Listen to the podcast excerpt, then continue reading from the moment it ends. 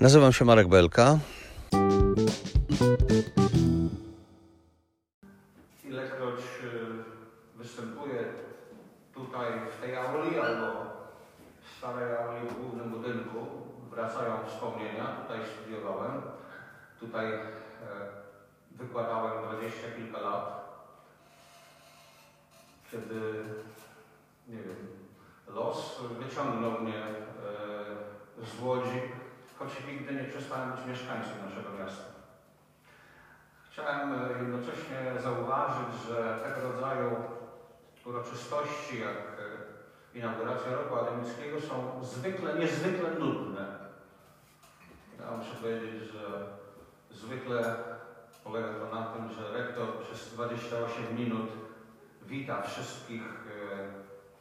Przybyłych i tych, których nie ma, ale powinni być.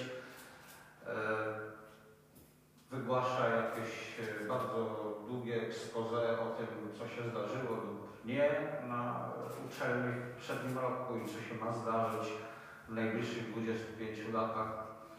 To jest straszliwie nudne. Dzisiaj mamy do czynienia tutaj z e, wydarzeniem niezmiernie ciekawym i, i jak krótkim. Chciałem powiedzieć, że wystąpienia pani rektor pani prorektor Kurczewskiej i pana e, dziekana Matery zapamiętam. Po prostu uważam, że dzisiaj w ten sposób powinno się mówić e, o uczelni i do studentów. Oczywiście dla młodych ludzi pewno sprawy, o których mówiła pani profesor Kurczewska, to trochę egzotyczne, no bo nawołuje ona do rozmawiania. Dzisiaj nie ma kultury rozmawiania, albo ona jest w wodowrocie. Właśnie my na uniwersytecie chcemy Wam tę kulturę przypomnieć i, i umocnić. Dzisiaj każdy ma opinię, ale nie ma wiedzy. Dzisiaj mają wszyscy informacje, zalew informacji, tylko z tej informacji nie potrafimy wyciągnąć e, prawidłowych albo nawet żadnych wewnętrznie logicznych wniosków. No i wreszcie drugą sprawą egzotyczną wypowiedzi pani, pani rektor było nawiązanie do e, muzyki Deep Purple. Ja rozumiem, że dla studentów e, pierwszego roku i zresztą dzisiejszych studentów to także egzotyka z pogranicza e, Mieszka pierwszego. E, ale przesłanie tam było jasne keep talking. Rozmawiajmy. Rozmawiajmy cały czas. Panie profesorze, tylko uzupełnienie, w ogóle bym nie miał śmiałości, ale był to taka ta pomyłka freudowska. Pink Floyd. A był Deep Purple, Pink Purple, bo przez ten kolor nasz. I to dlatego. Ja to wszystko... Czyli to jednak, czyli to, jednak to dla mnie też się okazuje być e, e, egzotyką, chociaż nie jest.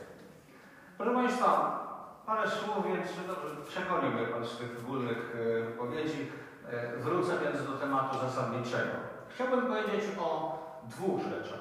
Po pierwsze, o tym rzeczywiście w jakiej sytuacji znalazła się polska gospodarka. Polska gospodarka, zresztą jak i cała gospodarka światowa czy gospodarka europejska i gdzie my jesteśmy w tej chwili i co nam grozi. E, I na tym tle nie mogę powstrzymać się od tego, aby Wam powiedzieć, co e, robi się w tej chwili w Unii Europejskiej, jako że dzisiaj jestem tam, no, można powiedzieć, na co dzień.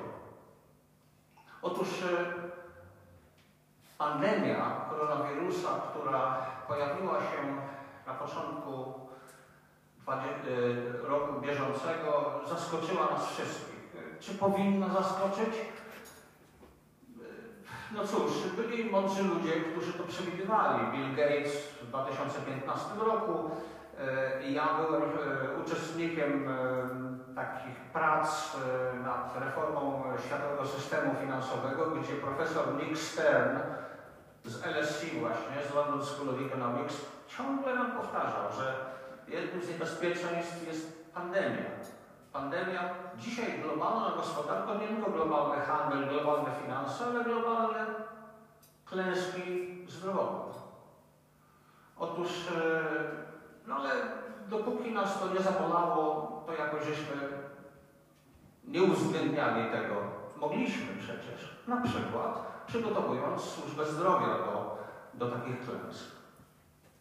Kiedy już jednak ta pandemia się pojawiła i jedyną rzeczą, e, którą mogły rządy e, uczynić, którą społeczeństwo mogło uczynić, to jest zamrożenie gospodarki i tak zwany lockdown, czyli, czyli po prostu no sparaliżowanie, zatrzymanie działalności gospodarczej. Niczego innego nie mieliśmy e, w zanadrzu, nie mieliśmy e, procedur na początku, no a nie tym bardziej szczepionek lub lekarstw. Dzisiaj lekarstwa się już podobno pojawiają, ze szczepionkami jeszcze jest troszkę dalej, ale myślę, że e, za, za kilka miesięcy ona może zacząć być dostępna. No i cóż, jakie były, jakie, jakie działania gospodarcze musieliśmy wtedy podjąć? Po pierwsze, musieliśmy przyjąć założenie, że to jest sytuacja przejściowa. Że po kilku miesiącach e, zamrożenia, lockdownu, tego social distancing, że wrócimy do normy, wrócimy do, do, normalnej, do normalnego funkcjonowania. Z tego wynikały następujące wnioski. Trzeba było dostarczyć e, jakby siatkę bezpieczeństwa socjalnego i siatkę bezpieczeństwa ekonomicznego. Co to znaczy?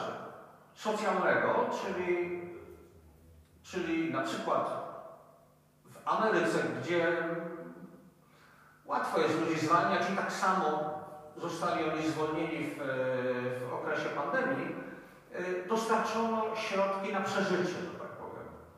Subsydie, subsydiowanie konsumpcji po prostu. Y, w Europie mamy inny model. Postanowiliśmy zatrzymać ludzi w pracy, ale w związku z tym y, pieniądze poszły do, do przedsiębiorstw po to, żeby mimo obniżonych dochodów, mimo, mimo obniżonego tempa działalności gospodarczej ludzi nie zwalniać. Co się udało w pierwszych miesiącach, przynajmniej w Polsce? Udało się powrócić do poziomu konsumpcji e, charakterystycznego dla, dla okresu sprzed roku. W gruncie rzeczy dzisiaj konsumpcja już mniej więcej osiągnęła poziom zeszłoroczny. Czy to jest ważne? To jest super ważne. Dlatego, że tak długo jak jest konsumpcja, tak długo jest produkcja. Tak długo jak jest produkcja, tak długo się nie zwalnia ludzi z pracy. Jak długo się nie ludzi, ludzi nie zwalnia z pracy, nie rośnie w sposób masowy bezrobocie. W związku z tym ludzie nie powstrzymują się od konsumpcji. A to jest w sumie ten najważniejszy, na krótką metę działający yy, silnik dla gospodarki. Oczywiście powstaje pytanie, czy właśnie uniknęliśmy e, zjawiska masowej utraty e, płynności w Polsce, ale myślę, że także w Europie. Problem w tym, że dzisiaj mamy niewątpliwie nawrót pandemii. Ilość e, zakażeń i zgonów jest wielokrotnie większa niż, niż poprzednio. I jeżeli będziemy mieli ożywienie, czy też czy koniunktura gospodarcza nie, nie zacznie się rozwijać, jak żeśmy się wszyscy spodziewali, mieliśmy nadzieję, w, kształcie litery V, prawda? Spadek i szybki powrót. Jeżeli nastąpi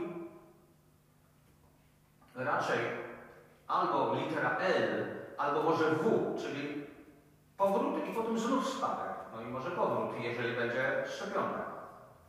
Ale my się w tej chwili musimy obawiać drugiej rzeczy. Znaczy fali bankructw. Zarówno w Polsce, jak i w, e, jak i w szerzej w świecie. Na razie tego w ogóle nie obserwujemy. Jak na razie polska gospodarka przeżyła te kilka miesięcy pandemii w sposób naprawdę dosyć, dosyć łagodny. Problem tylko w tym, czy ta druga fala nas jednak nie ugodzi ostrzej. E, czy Polska, czy Polska postąpiła, jeżeli chodzi o reakcję na pandemię, w sposób właściwy? Czy polski rząd? Myślę, że tak. Myślę, że tak. Można oczywiście mieć wątpliwości co do precyzji działania, ale tak naprawdę w pierwszym momencie nie było się co zastanawiać nad stanem finansów publicznych. Trzeba było po prostu, tak jak straż pożarna przyjeżdża do domu, gdzie się pali, to się po prostu wodą, e, prawda, gasi płomień, nie dba się o meble. To tak samo trzeba było ugasić ten pożar wielką ilością pieniędzy. Polska oblicza się, przeznaczyła łącznie na y, walkę z pandemią około 15% PKB, czyli około 300 miliardów, 300 miliardów złotych. To dużo czy mało? Oczywiście są kraje, takie jak na przykład Niemcy, gdzie liczy się, że to było na 30% PKB. Ale większość krajów europejskich jest jednak poniżej tych 15%. Nie jesteśmy pierwsi, nie jesteśmy nawet na piątym miejscu, ale jesteśmy w górnej połówce. To bardzo dobrze świadczy o, o Polsce i o tym, że finanse publiczne były w stanie, były w stanie to wytrzymać. Nie da się ukryć.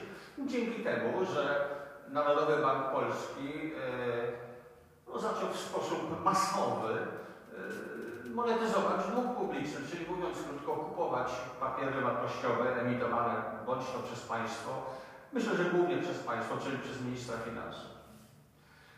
Dzisiaj oczywiście zaczynamy się zastanawiać, jak teraz to wszystko posprzątać, prawda? Załóżmy, że ta druga fala nas nie zatopi. Ogień w domu nie wybuchnie kolejny raz. No to trzeba oczywiście to wszystko posprzątać, prawda? Sprzątanie w gospodarce oznacza stabilizację finansów publicznych. E, dzisiaj czego nam brakuje, to jest przejrzystości. To jest tego, że tak naprawdę e, tylko wyjątkowo e, jak gdyby dokładnie obserwatorzy i fachowcy wiedzą, jaki jest stan finansów publicznych. On jest oczywiście bardzo ciężki, no bo wydaliśmy około 15% PKB na, na walkę, na, na, na powstrzymanie kryzysu gospodarczego. I oczywiście będzie trzeba y, zrobić, no jakby być inwentarz i nakreślić program wyjścia z tego. Proszę Państwa, mm, a co, czyli na dobrą sprawę, ja w gruncie rzeczy jestem bardzo niewiele, znaczy bardzo mało krytyczny wobec działań rządu w tej fazie. To nie dotyczy działań ściśle pandemicznych, bo ja nie jestem wirusologiem i nie, nie, nie chcę się wypowiadać na ten temat. Yy, zobaczymy, czy, polski, czy Polska Służba Zdrowia wytrzyma ten yy, lawinowy wzrost zakażeń, no i także bardzo ciężkich przypadków, których na szczęście jest oczywiście stosunkowo niewiele. Ale co dalej? Otóż e, na pewno w świecie nastąpi wiele przewartościowań w światowej gospodarce. Po pierwsze, zaczynamy się wszyscy na świecie zastanawiać, czy e, łańcuchy dostaw, bardzo wydłużone, są dalej do utrzymania w świecie postpandemicznym. Czy mówiąc krótko, trzeba gonić za pieniądzem, za zyskiem dodatkowym i zawsze produkować wszystko to, gdzie jest najtaniej, wszystko tam, gdzie jest najtaniej. Czyli w Chinach, a już może mniej w Chinach, a w Indonezji, w Bangladeszu, w Indiach czy, czy w Wietnamie. Czy nie należy tych, tych łańcuchów dostaw skrócić? No, jeżeli tak, to to jest dobra wiadomość dla najbliższego otoczenia gospodarki europejskiej i amerykańskiej, ale zła wiadomość dla krajów biednych. Co więcej, na pewno nastąpi, e, no co tu dużo mówić, e, ograniczenie turystyki zagranicznej. I tutaj nie mam na myśli strat e, ponoszonych przez linie lotnicze. Ale myśmy, oczywiście aktywiści ekologiczni są zadowoleni, że wreszcie będziemy mniej tego CO2 e, wydalać prawda, w związku z podróżami transkontynentalnymi. Natomiast e, li- licząc lekko 200 milionów ludzi w krajach ubogich, straci jedyne źródło utrzymania i wpadnie z powrotem w skrajną nędzę. To oczywiście także wielki koszt pandemii. Więc ten świat na pewno będzie wyglądał inaczej. Bardzo często mówi się o tym, że mm, psychologiczne skutki e, tego wydarzenia, albo być może wydarzenia, które się będzie przecież powtarzać w przyszłości, e, będą znaczące. Ludzie będą zmieniali e, sposoby konsumpcji. Na pewno więcej będzie transakcji e, w internecie. Oczywiście to oznacza, że wiele sklepów e, będzie musiało zamknąć podwoje. Będziemy mniej jeździć po świecie. Już powiedziałem, to nie tylko linie lotnicze, ale także setki milionów ludzi w krajach e, pozaeuropejskich, poza Stanami Zjednoczonymi, którzy stracą po prostu jedyne źródło utrzymania. Być może także zmienią się e, nasze sentymenty konsumpcyjne, e, inwestycyjne. Być może pod, pod wpływem tego szoku, jaki wszyscy przeżywamy, będziemy mniej skłonni do inwestowania, albo będziemy inwestować inaczej. Nie w sposób taki jak dotychczas, ale w, będziemy cyfryzować gospodarkę, będziemy posługiwać się jeszcze bardziej e, niż dotychczas e, sztuczną inteligencją. To wszystko będzie zmieniać model gospodarowania w przyszłości. A co Unia Europejska? Oczywiście, jak zwykle Unia Europejska. Na początku wszyscy mieliśmy skłonność do tego, żeby na ponarzekać, bo przecież Unia Europejska jest po to, żeby narzekać, prawda? No przecież nic nie zrobiło. Z wyjątkiem tego, że po kilku dniach nakazała rządom stworzyć zielone korytarze na granicach. W związku z tym transport towarów w gruncie rzeczy w ogóle nie Europejskiej. Po drugie, skoordynowała działania dotyczące otwierania lub zamykania granic. Do czego tak naprawdę Unia Europejska czy instytucje europejskie nie mają kompetencji, bo to są wszystko kompetencje, e, kompetencje mm, państw narodowych. I wreszcie, najważniejsze, postanowiła wyjść poza dotychczasowe schematy działania i wymyślić nowy sposób finansowania procesu czy też wysiłku odbudowy gospodarki europejskiej. Akurat w tej chwili, w roku 2020, y, kończą się negocjacje na temat tego normalnego, co 7 lat uchwalanego budżetu europejskiego, czy tak naprawdę perspektywy budżetowej, a w gruncie rzeczy to są tak naprawdę wieloletnie ramy finansowe. To jest ten 1,1% PKB, co oznacza w skali 7 lat około 1000 miliardów euro i to są te pieniądze, które no, pozwalają budować takie rzeczy. Ale tym razem mamy sytuację szczególną. Aha, i te pieniądze przede wszystkim idą ze składek członkowskich, czyli kraje Unii Europejskiej wpłacają pieniądze do wspólnego kotła i z tego się, e, z tego się finansuje różnego rodzaju e, przedsięwzięcia. Budowa infrastruktury, e,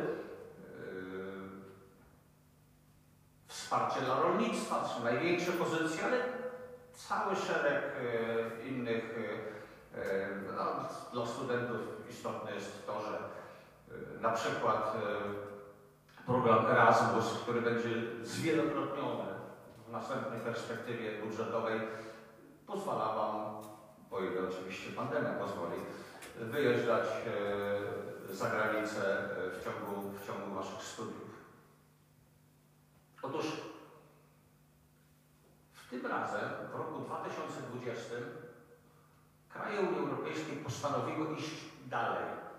Oprócz tego funduszu, e, oprócz tego budżetu siedmioletniego, stworzyć fundusz odbudowy, Recovery Fund, w wysokości 750 miliardów euro. Yy, około no, 390 miliardów to będą granty, yy, reszta, yy, reszta pożyczki, ale pożyczki bym powiedział zeroprocentowe. Otóż yy, skąd wziąć pieniądze? I tutaj jest główna innowacja, którą, którą, z którą mamy do czynienia. Nie ze składek członkowskich, tylko z pożyczek na rynku kapitałowym. Unia Europejska po raz pierwszy stanie się podmiotem fiskalnym. No, pewien zalążek państwa. Wyjdzie do rynku finansowego i pożyczy te 750 miliardów euro. No ale wiadomo, że trzeba pożyczyć pod zastaw, czy pod gwarancję. Te gwarancje mają udzielić solidarnie wszystkie państwa Unii Europejskiej, a zastawem, że tak powiem, będzie budżet, ten właśnie siedmioletni. Wszystko się ze sobą wiąże. Yy, jesteśmy w tej chwili na. Aha, no i ale jest jeszcze drugie, drugie źródło, że tak powiem, pozyskiwania pieniędzy. To mają być tak zwane własne zasoby, czy też nowe europejskie podatki. Mówi się o różnych europejskich podatkach. Mówi się o. Ja osobiście najbardziej chciałbym wprowadzenia podatku od transakcji finansowych. Po prostu, ponieważ 6 lat byłem w środowisku bankowców centralnych, to jednym z największych bólów głowy, jakie mieliśmy, to było to, że sektor finansowy rozwija się zbyt szybko. Zbyt szybko. Trzeba go spowolnić w jakiś sposób, nakładając na pewnego rodzaju transakcje finansowe bardzo minimalne. Czasami to są podatki typu 1,1%. Wierzcie mi, taki podatek sprawi, że kilkadziesiąt procent transakcji, które nie mają żadnego społecznego znaczenia, żadnej społecznej wartości dodanej, zniknie. Banki oczywiście na tym stracą. Tylko, że nie powinno to być jakby pierwszą troską yy, rządu i społeczeństw. Taki podatek mógłby przynieść kilkadziesiąt miliardów dolarów rocznie. Ale są inne przecież pomysły. Na przykład tak zwane e, Border Adjustment Mechanism albo Border Adjustment Tax. Jak wiemy, Unia Europejska jest bardzo ambitna, jeśli chodzi o cele klimatyczne, ale prowadzi to do bardzo niebezpiecznego zjawiska. Może przynajmniej prowadzić. Mianowicie e, następuje outsourcing pewnych e, działań gospodarczych do krajów, które są mniej ambitne w tym zakresie, a my będziemy w związku z tym importować te, te produkty, które ślad węglowy zostawiają w świecie znacznie większy.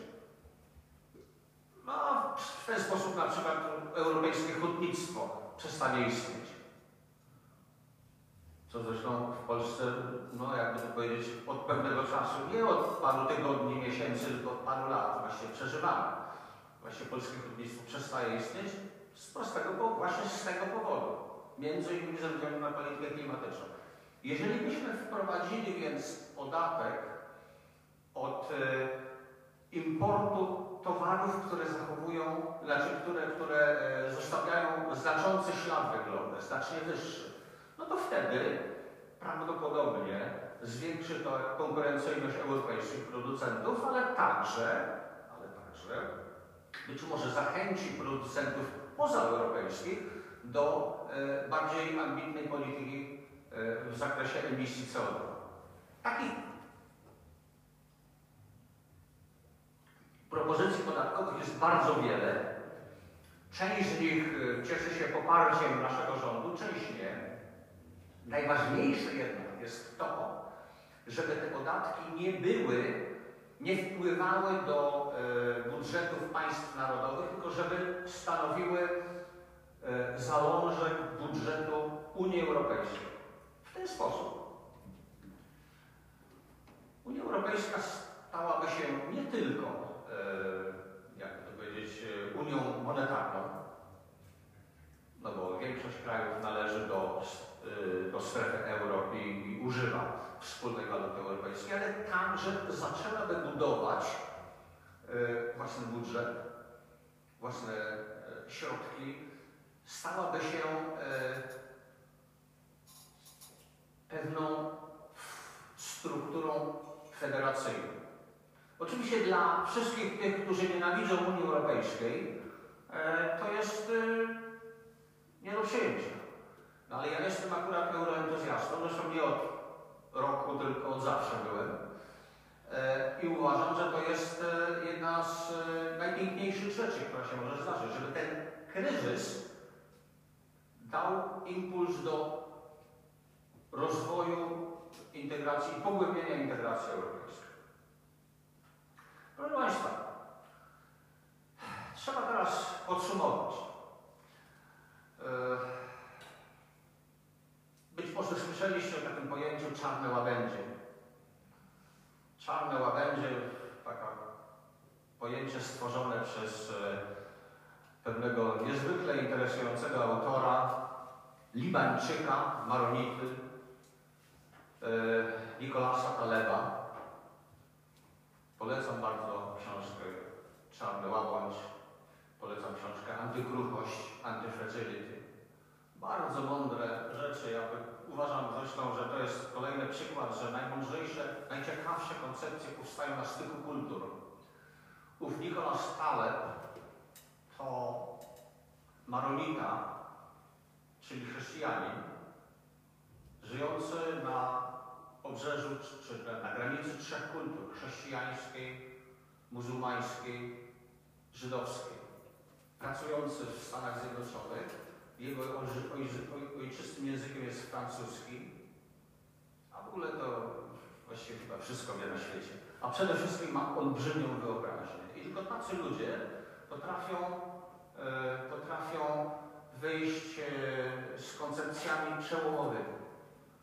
Otóż my musimy się przygotować, my ekonomiści, że o świecie wiemy tylko tyle, co potrafimy wydedukować z przeszłości, co potrafimy wycisnąć z przeszłości. No ale przecież zdarzają się sytuacje, które się nigdy w przeszłości nie wydarzyły. I tutaj jesteśmy bezbronni.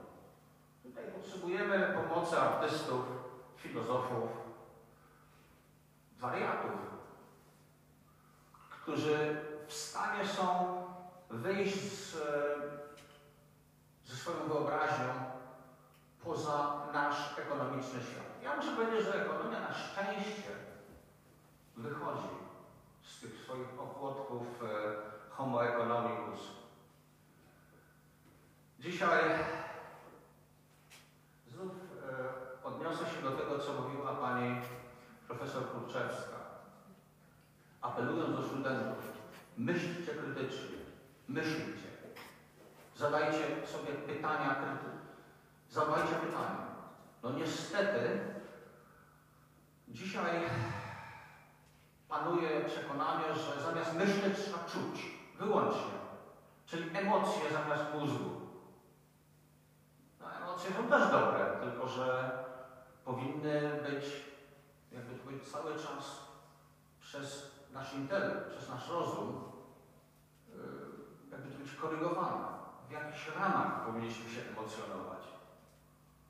Jak coś słyszymy, to zadajmy sobie zawsze pytania krytyczne, a nie wierzmy, że musi to być prawda, skoro 10 tysięcy ludzi na naszym Facebooku, na naszym, w naszej bańce informacyjnej myśli tak samo. Jesteście na progu 4 albo 4,5-letniej przygody, 5-letniej przygody uniwersyteckiej. Wykorzystajcie to właśnie dla myślenia krytycznego, dla rozmowy.